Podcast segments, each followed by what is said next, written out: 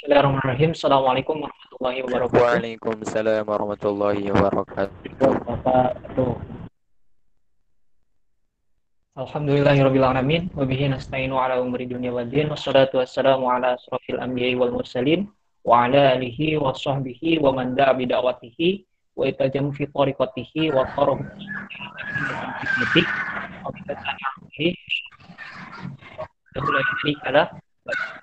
wa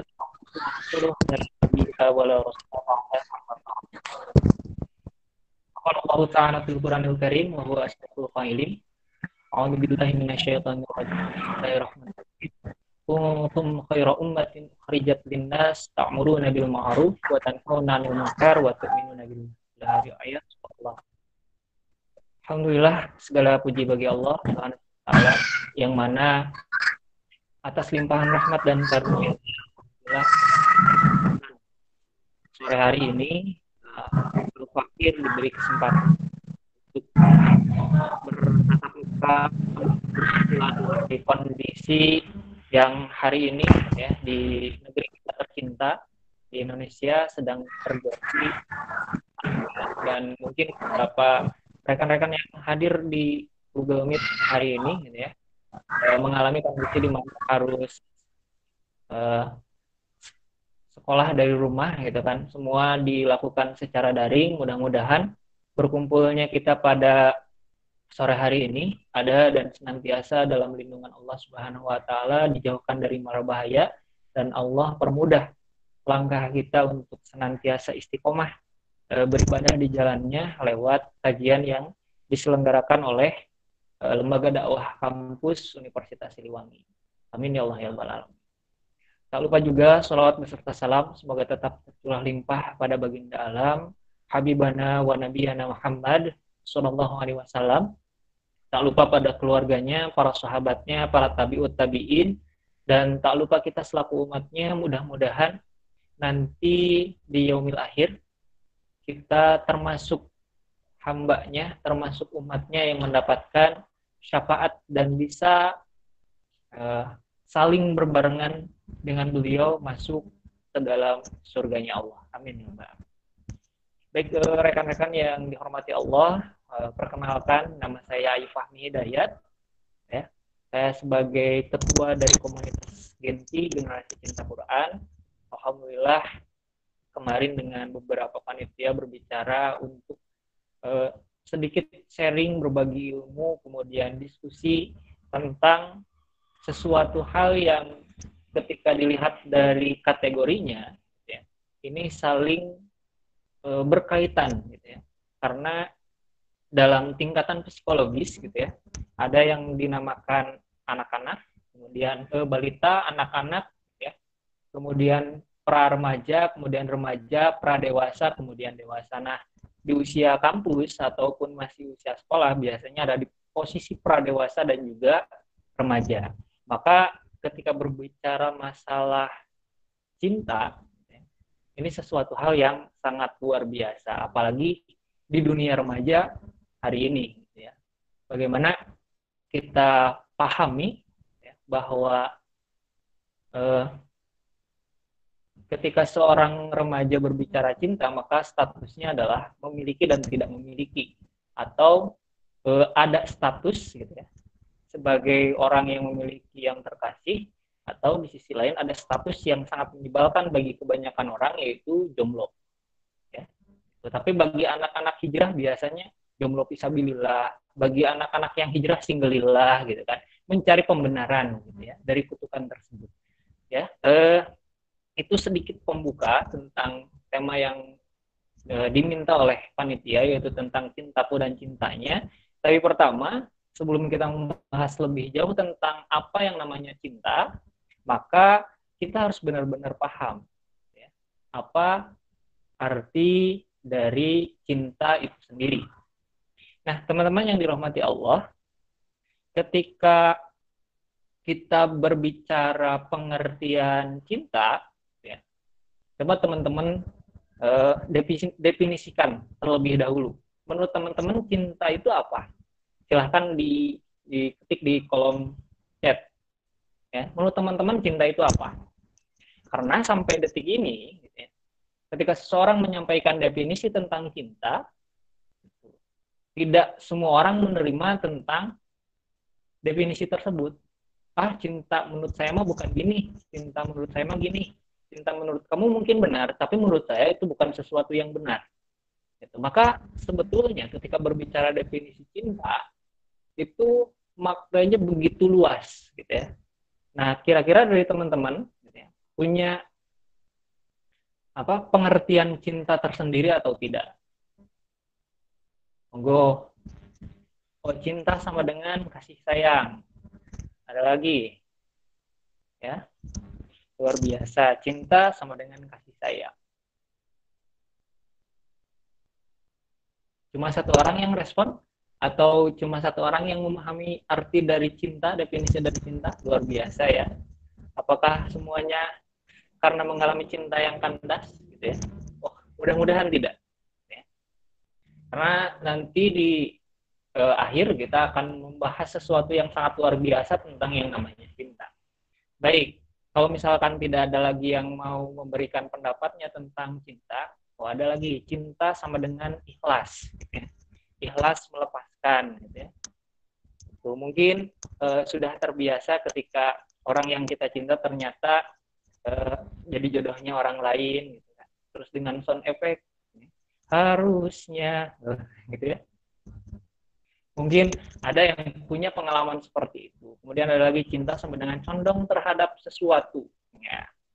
Baik, menurut Kamus Besar Bahasa Indonesia, cinta itu adalah rasa suka, kasih sayang, kemudian juga uh, rasa ingin memiliki. Nah, dalam Wikipedia, cinta itu disebutkan bahwa adalah uh, cinta adalah suatu emosi dari kasih sayang yang kuat dan ketertarikan pribadi yang membuat seseorang ya, rela untuk berkorban. Kemudian dia akan melakukan uh, dia akan mengekspresikan cintanya dengan aktif lantas kemudian dia mau melakukan apa pun demi sesuatu yang dia cinta. Nah, maka ketika kita berbicara cinta, apakah uh, ketertarikan kita terhadap lawan jenis itu adalah cinta? Maka saya pribadi selalu membaginya menjadi tiga tahap. Pertama itu suka, yang kedua kasih sayang, yang ketiga adalah cinta. Suka itu seperti apa? Suka itu adalah perasaan atau emosi di mana kita mengagumi seseorang, mengagumi suatu hal dari sesuatu gitu. Misal contoh, ketika berbicara rasa suka seperti halnya anak-anak ketika diberi mainan yang eh, diberi diberi mainan baru oleh orang tuanya, maka selama satu hari, dua hari, seminggu, dua minggu, dia akan senang banget dengan mainan tersebut. Tapi setelah dia melihat ya mainan yang baru muncul di misalkan di televisi atau misalkan ketika dia sedang jalan-jalan dia tertarik dengan sesuatu tersebut dan melupakan sesuatu yang sudah ada. Nah itu berarti rasa suka. Nah biasanya ya, ini dialami oleh kebanyakan tadi kategori remaja pradewasa gitu kan, di mana mereka ya, mengungkapkan rasa suka suka terhadap seseorang misalkan tapi ketika melihat yang lebih bening, yang lebih glowing gitu, yang skincare-nya harga jutaan, gitu, ya, lantas kemudian berubah. Ya, kenapa hal itu bisa berubah? Karena tadi pola pikirnya pun berubah. Misal kita nih orang-orang yang sudah mulai hijrah. Gitu. Kalau misalkan cowok biasanya gitu ya, suka itu terhadap perempuan yang terlihat cantik. Tapi ketika hijrah, pola pikirnya berubah menjadi perempuan yang menggunakan yang menutup aurat. Gitu ya. Kemudian naik lagi levelnya sampai nanti pada kondisi di mana laki-laki itu senang ketika melihat perempuan menutup aurat secara keseluruhan. Ada dalam kategori memakai nikom, memakai cadar. Ya, tahapannya berubah. Kenapa? Rasa suka. Tapi ketika dia melihat sesuatu yang lain lagi, gitu ya, lebih indah, maka rasa sukanya pun indah. Eh, itulah kenapa laki-laki itu cepat move on dibandingkan dengan perempuan. Karena tadi, ya, yang ketika dilandasi oleh rasa suka, maka rasa suka yang sudah hilang tersebut digantikan oleh sesuatu yang baru. Yang kedua kasih sayang. Ya. ketika kita berbicara kasih sayang, maka contoh mudahnya itu adalah pasangan antara kakek-kakek dan juga nenek-nenek. Nah, pertanyaannya, apakah ketika teman-teman nih punya kakek dan juga nenek di rumah ataupun dekat gitu kan tetanggaan dengan kakek nenek, ketika antum nanya, nek apakah masih cinta sama si kakek atau sebaliknya gitu. Nah kebanyakan ya, eh, kakek ataupun nenek tersebut tidak akan menjawab cinta, tapi lebih kepada kasih sayang. Sayangnya di mana? Gitu ya.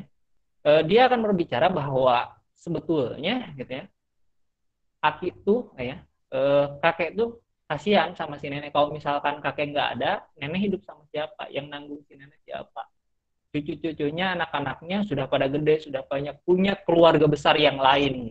Maka e, maka gitu ya matak lagi ke Sundanya keluar mohon maaf kalau misalkan ada yang tidak ngerti Sunda mohon maaf e, maka gitu ya tadi ikatannya tersebut sudah berubah menjadi kasih sayang kasih sayang tersebut adalah rasa memiliki rasa yang e, emosi yang dibangun atas dasar perasaan. Maka muncul kasih sayang.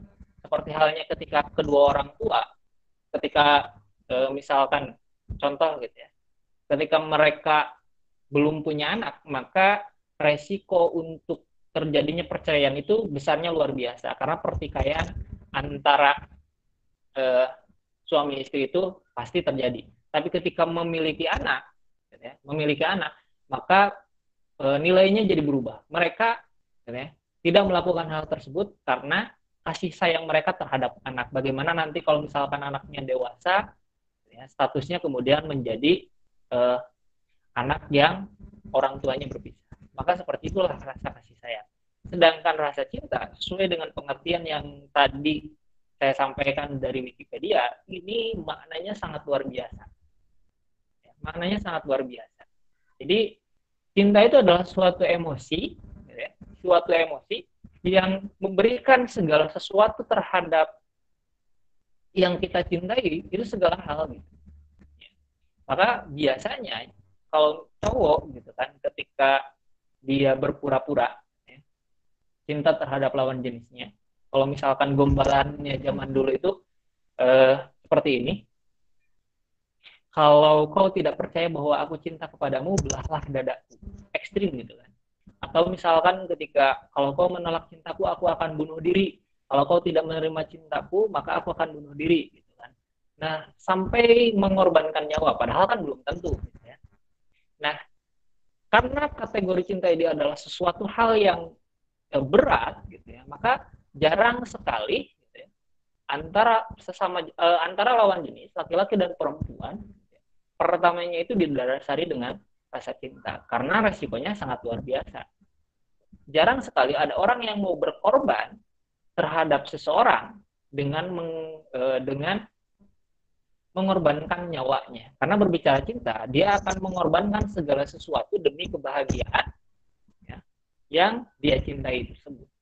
Maka ketika berbicara kategori cinta, saya selalu menyadari bahwa cinta ini hanya milik sesuatu yang agung. Siapa? Itu Allah Subhanahu wa taala. Karena kenapa? Karena ketika berbicara tentang Allah, Allah eh, Tuhan yang kita yakini, maka di situ kita akan mengorbankan segala sesuatu.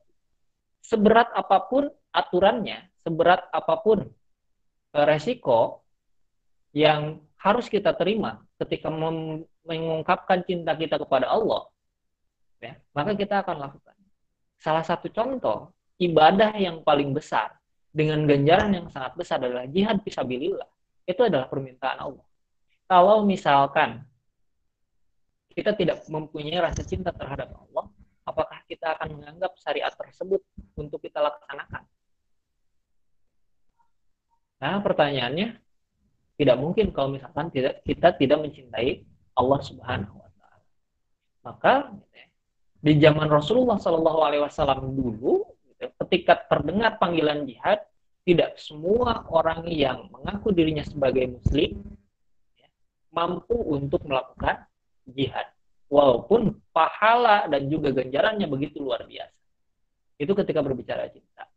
Nah, bagaimana seseorang antara laki-laki dan perempuan ini ingin mengabadikan rasa suka mereka, kasih sayang mereka berupa cinta yang sangat luar biasa, yaitu cinta yang dirikat atas dasar sama-sama beriman kepada Allah Subhanahu wa taala. Mungkin teman-teman di sini gitu ya, uh, sering terbius dengan uh, cinta yang menurut pandangan kita gitu ya, kepada lawan jenis, kepada sama-sama sebagai manusia. Kita kepada Allah itu hanya sebatas iman, tidak melibatkan rasa cinta. Ya. Maka tidak sedikit hari ini, gitu ya, hari ini, bagaimana e, ketika laki-laki dan perempuan itu standar cintanya apa yang mereka lihat. Misal, ya, teman-teman mungkin tahu tentang cerita yang sangat luar biasa, yang istilahnya ketika berbicara kisah cinta romantis, ya, maka yang terpikir terbesit adalah Romeo and Juliet walaupun cinta mereka tragis gitu ya karena tidak direstui uh, tidak mendapatkan restu akhirnya mereka bunuh diri. Walaupun katanya karena cinta mereka dipisahkan oleh takdir maka mereka melawan takdir dengan cara meminum racun. Kemudian juga di era milenial hari ini ketika kita berbicara cinta maka muncullah dua sosok nama Dilan Milea gitu ya. Jadi kalau misalkan gombalan prince-nya Dilan kan? Ya ketika berbicara rindu jangan rindu.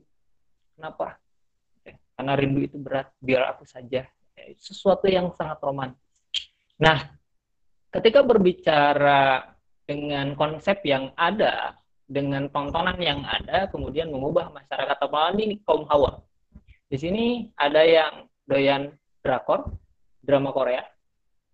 Mungkin banyak uh, banyak sedikitnya gitu kan tahu tentang drama Korea apalagi para uhti gitu kan. Ketika berbicara dra drama Korea karena dulu saya pernah ngadain seminar AADK gitu ada apa dengan Korea dan ternyata jumlahnya luar biasa. Mereka ngefans gitu ya.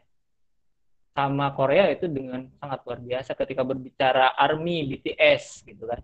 Kemudian juga boyband boyband yang lainnya, drama-drama Korea yang lainnya, maka standar cintanya perempuan, romantisnya perempuan itu standarnya adalah romantisnya orang Korea. Sedangkan kita orang Indonesia ketika menyamakan menyamaratakan ya, menyamaratakan dengan standar romantisnya Korea itu berat gitu. Kenapa berat? Karena uh, salah satu uh, skin yang dulu pernah viral itu ketika seorang laki-laki melamar perempuan dengan cara menaburkan bunga mawar di jembatan. Itu kan buat kita berat. Orang Indonesia nggak bisa kayak gitu. Kita harus sungkem dulu ke orang tuanya, minta izin dulu, ngopi bareng gitu kan. Nggak bisa langsung melamar hari itu juga. Maka dulu di Net TV ada uh, variety show yang yang judulnya itu melamar dan tidak bertahan lama. Karena kenapa? Karena tadi prosesnya begitu luar biasa sulit gitu. ketika kita berbicara di Indonesia ada adat istiadat yang harus kita tempuh. Nah ketika berbicara kembali ke topik utama kita ketika kita berbicara cinta kepada Allah Subhanahu Wa Taala maka kita harus dan mampu untuk mengungkapkan secara totalitas kepada yang seharusnya kita cinta. Siapa? Allah Subhanahu wa taala karena ketika misalkan nih saya melakukan uh, sosial eksperimen, ketika teman-teman yang hadir di sini ditanya cinta nggak kepada Allah, maka dengan pasti saya bisa menyimpulkan bahwa semua yang ada di grup ini akan nulis chat cinta, cinta, cinta, dan cinta. Faktanya, faktanya, yang namanya cinta itu butuh yang namanya pembuktian. Itu apalagi kalau misalkan perempuan ya, butuh yang namanya pembuktian. Maka ketika kita berbicara atau ngaku cinta kepada Allah, sudahkah bukti itu kita perlihatkan kepada Allah? Ya, contoh misalkan ketika berbicara dunia remaja dan juga pradewasa atau istilahnya belum menikah, maka ada istilah pacaran. Dalam syariat disampaikan bahwa wala takrobu zina dan janganlah kalian mendekati zina. Di situ dengan jelas Allah melarang kita untuk mendekati zina dan uh, pacaran adalah salah satu pintu ya, untuk mendekatkan kita kepada zina. Ya. adalah salah satu pintu untuk mendekatkan kita kepada zina. Maka kemudian banyak komunitas, banyak kumpulan e, organisasi dakwah e, berkesimpulan bahwa yang namanya pacaran itu haram dan kemudian keluarlah hukum yang diambil dari situ. Ditambah lagi dengan hadis barang siapa laki-laki dan perempuan berdua-duaan maka ketiganya adalah setan. Ya. Nah, ketika bicara hal tersebut, apakah hanya cukup dengan istilahnya pacaran? Ternyata tidak. Ada istilah lain, ada istilah lain lagi, yaitu sebetulnya ada batasan interaksi antara laki-laki dan perempuan. Misalkan dalam channel atau dalam uh, meeting kali ini, ya, conference kali ini, perempuan tidak diperbolehkan untuk memperlihatkan videonya. Suaranya pun gitu dibatasi. Di grup pun dibatasi interaksinya. Tapi interaksi tersebut apakah benar-benar di dunia nyata sesuai dengan di dunia maya ya. di dunia maya seperti ini pengaturannya sesuai dengan di dunia nyata itu kan perlu diperkirakan lagi bagaimana ketika berbicara cinta kepada Allah ya pertanyaan pertama ya sudahkah sholat kita sempurna? Sudahkah ibadah kita sempurna? Sudahkah ibadah kita tidak lalai? Sudahkah ketika kita keluar dari rumah menutup aurat secara sempurna? Sudahkah kita meninggalkan perkara-perkara yang Allah larang? Karena tadi yang namanya cinta itu butuh pembuktian. Maka ya, dalam salah satu hadis disampaikan ya, ketika ada seorang uh, umat gitu ya, ada seorang manusia yang datang di hari penghisaban kepada Allah Subhanahu wa taala, kemudian Allah bertanya kepada orang tersebut, Apakah engkau beriman kepadaku? Apakah engkau cinta kepadaku? Kata Allah kepada orang tersebut. Maka orang tersebut, ya Allah, iya, aku cinta dan beriman kepadamu. Maka kata Allah apa? Masukkan dia ke dalam neraka. Loh kenapa? Gitu. Ternyata ya, apa yang diungkapkan oleh orang tersebut adalah hanya sebatas kata-kata. Hanya sebatas kata-kata. Tidak sampai menghujam dalam dirinya. Maka banyak sekali di antara kita hari ini, kebanyakan kaum muslim kali ini, ya, mengatakan bahwa mereka beriman kepada Allah, mereka cinta kepada Allah, tapi kemudian ya, mereka tidak membuktikan kecintaan dan keimanannya kepada Allah. Maka ketika teman-teman melakukan survei ini, misalkan anak e, di selaku LDK di Tasik gitu melakukan survei ke masyarakat yang notabene di Tasik itu mayoritasnya muslim. Nah, ketika bertemu dengan mereka, ah, cinta nggak kepada Allah? Pasti jawaban mereka cinta. Tapi kita kita, kita bisa melihat, gitu ya, penampakan luar dari mereka ketika tidak menutup aurat, kita bingung cinta yang seperti apa yang tidak ketika dia tidak melaksanakan syariat Allah, ketika dia tidak menutup auratnya secara sempurna. Ketika dia menutup aurat pilih-pilih hanya ketika sholat, hanya ketika ke masjid, hanya ketika pengajian, tapi ketika misalkan main poli, futsal, berenang, gitu kan, dia tidak menutup aurat lantas gitu apakah cintanya ini hanya di waktu dan tempat yang sudah ditentukan ternyata kan kita memahami bahwa tidak tapi di segala aspek ketika itu adalah tempat umum maka kita wajib menutup aurat nah itu ketika kita berbicara cinta kepadanya hanya saja tidak sedikit orang yang berbicara cinta kepada Allah Subhanahu wa taala uh, bagaimana caranya supaya kita cinta terhadap Allah Subhanahu wa taala? Maka kunci utama dari cinta itu adalah yang namanya perhatian. Mungkin selama ini kebanyakan dari kita termasuk saya kurang yang namanya peka terhadap perhatian dari Allah. Karena sebetulnya Allah itu senantiasa perhatian kepada kita.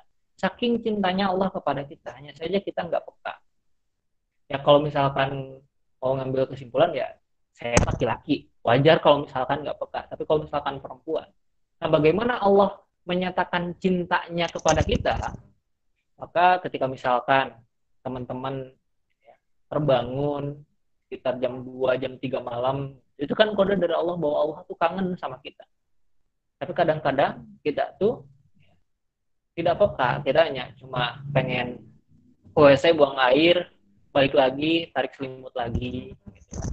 Nah, untuk supaya kita uh, kita mendapatkan balasan cinta dari Allah, maka mau tidak mau kita itu harus cari perhatian Allah. Dengan cara apa? Senantiasa menjadikan aktivitas kita selama 24 jam itu sebagai ibadah. Jangan sampai cinta kita kepada Allah itu bertepuk sebelah tangan. Kan gak enak. Apalagi kalau misalkan cinta Allah kepada kita bertepuk sebelah tangan. Kan gak enak. Ya. Justru yang datang kepada kita apa? azab ketika cinta Allah kepada kita bertepuk sebelah tangan kita abaikan cinta Allah. Ya. Maka uh, ketika berbicara hal tersebut ini sangat luar biasa ketika berbicara cinta karena korelasinya banyak sekali. Mau itu berkaitan tentang lawan jenis, bagaimana merelasikan cinta yang benar, apakah bagaimana kita bisa mencintai seseorang kalau misalkan tidak kenalan dan salah satu cara kenalan dengan cara uh, pacaran misalkan ya. nah kalau misalkan gitu kalau misalkan pacaran yang biasa dilarang kita mau melakukan pacaran syariah ya, yang setiap kita ketemuan itu setiap malam Jumat gitu kan biasa malam Minggu ini malam Jumat ya kemudian juga setiap kita bertemu kita mulai dengan membaca hamdalah eh, bismillah gitu kan dengan surah al-fatihah ketika berbubar gitu. biasanya panggilnya ayang abi eh, ayang gitu panggilannya berubah jadi abi umi gitu. Ketika bubar ketemuan ya mau pulang ke rumah masing-masing kita baca hamdalah dan juga doa kifaratul majlis kan nggak nggak gitu, gitu konsepnya nggak gitu, gitu sekalipun dirubah interaksinya tetap saja ada yang salah dari ikatan tersebut Nah, lantas bagaimana bisa mengatur cinta terhadap lawan jenis? Maka ada proses namanya ta'aruf, itbah, kemudian nikah. Dan itu prosesnya simpel, mudah, tanpa harus mengeluarkan banyak biaya seperti halnya biaya pacaran. Seperti halnya Maka ketika kita benar-benar mengaku cinta kepada Allah, 24 jam tadi harus bernilai ibadah. Bagaimana? Maka niatkan segala perbuatan yang kita lakukan dari mulai bangun tidur sampai tidur kembali itu semata-mata beribadah kepada Allah. Tidur kita baca doa, kemudian bangun kita baca doa, kemudian setelah itu kita makan baca doa, niatkan beribadah, kerja, sekolah, menuntut ilmu, dalilnya semua ada. Setiap perbuatan yang kita lakukan itu pasti ada hujahnya, ada dalilnya. Seperti halnya gini, ketika kita misalkan mau e, masuk ke WC, itu ada, ada adabnya, ada tata caranya. Ketika kita melakukan hal tersebut sesuai tata cara syariat, maka itu salah satu bentuk pembuktian kita beriman dan cinta kepada Allah Subhanahu wa taala. Dan mungkin gitu ya, hari ini kita benar-benar berduka ketika melihat berita bahwa salah satu ulama kita yaitu Syekh Ali Jaber terjadi penikaman terhadap beliau ketika beliau sedang ceramah. Itu kan membuat luka kepada kita. Ya. Karena kenapa kita paham bahwa al ulama warasatul ambiya, ulama itu waris para nabi ya dan kita mungkin di, di hati kita itu seneng gitu pengen mukul orang yang besuk ulama tersebut tapi apa daya ya, jarak yang jauh kita hanya bisa mendoakan semoga uh, Ustadz ya, Sahali Jaber diberikan kesehatan kemudian bisa kembali beraktivitas seperti biasa dan kita bisa menerima ilmu-ilmu beliau ya seperti biasa baik itu dari media sosial Instagram ataupun jadi, teman-teman, kesimpulannya adalah ketika berbicara cinta, maka yang namanya cinta butuh yang namanya pengorbanan.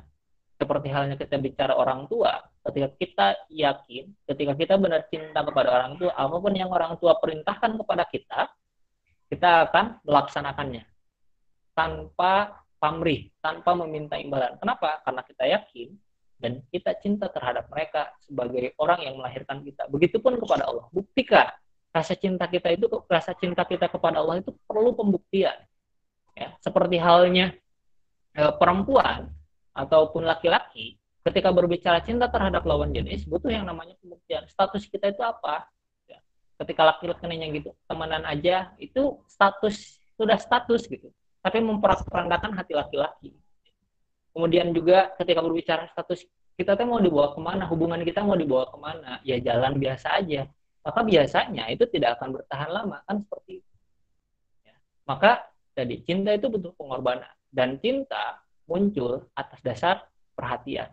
Ketika kita ingin dicintai oleh Allah, cinta kita tidak bertepuk sebelah tangan kepada Allah, maka raihlah perhatian Allah. Ingat, ya, misal ya, teman-teman di sini ada yang sedang istiqomah berdoa untuk nikah muda. Ada berapa banyak kaum muslim di dunia ini dengan doa yang sama? Ya, dan persentase kita kecil.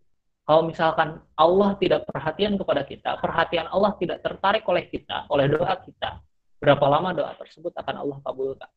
Tapi ketika Allah sudah tertarik, sudah mendapatkan ya, eh, daya tarik dari kita, karena kita senantiasa memberikan perhatian kepada Allah, maka hal itu akan dengan sangat mudah Allah kabulkan.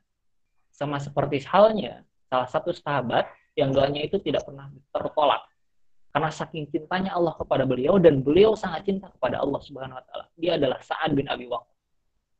Ya, yang dulu pernah cerita gitu kan, uh, para uh, ada para orang-orang di Arab yang menjelek-jelekan Ali bin Abi Thalib.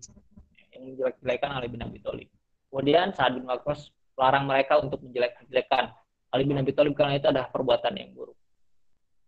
Kemudian diingatkan yang kedua kali tetapi mereka tetap menjelek-jelekan uh, Ali bin Abi Thalib. Kemudian kalau seperti itu ya, saya tidak akan tanggung resikonya. Mereka berkata, engkau bukan nabi. Engkau doa engkau tidak akan seperti nabi. Tapi kemudian dia berdoa, ya, ya wudhu, kemudian sholat sunat dua rakaat, kemudian berdoa kepada Allah, ya Allah, ya, uh, balaslah apa yang mereka perbuat terhadap saudaraku Ali. Lalu kemudian tidak begitu lama orang yang menjelekan Ali bin Abi Thalib itu dikejar oleh unta kemudian dadanya terinjak oleh unta dan kemudian orang tersebut mati. Pelajarannya langsung mati. Ini adalah bukti. Ketika kita sudah mendapatkan perhatian dari Allah kita ketika cinta kita sudah terbalas oleh Allah maka Allah akan memberikan apa pun yang orang orang eh, yang eh, dia cintai apa pun itu Allah akan berikan kepada orang yang dicintai dan mudah-mudahan itu termasuk kita semua. Itu saja mungkin uh, pembahasan pada kesempatan sore hari ini. Mohon maaf apabila ada kekurangan. Uh, saya kembalikan kembali kepada moderator. Assalamualaikum warahmatullahi wabarakatuh.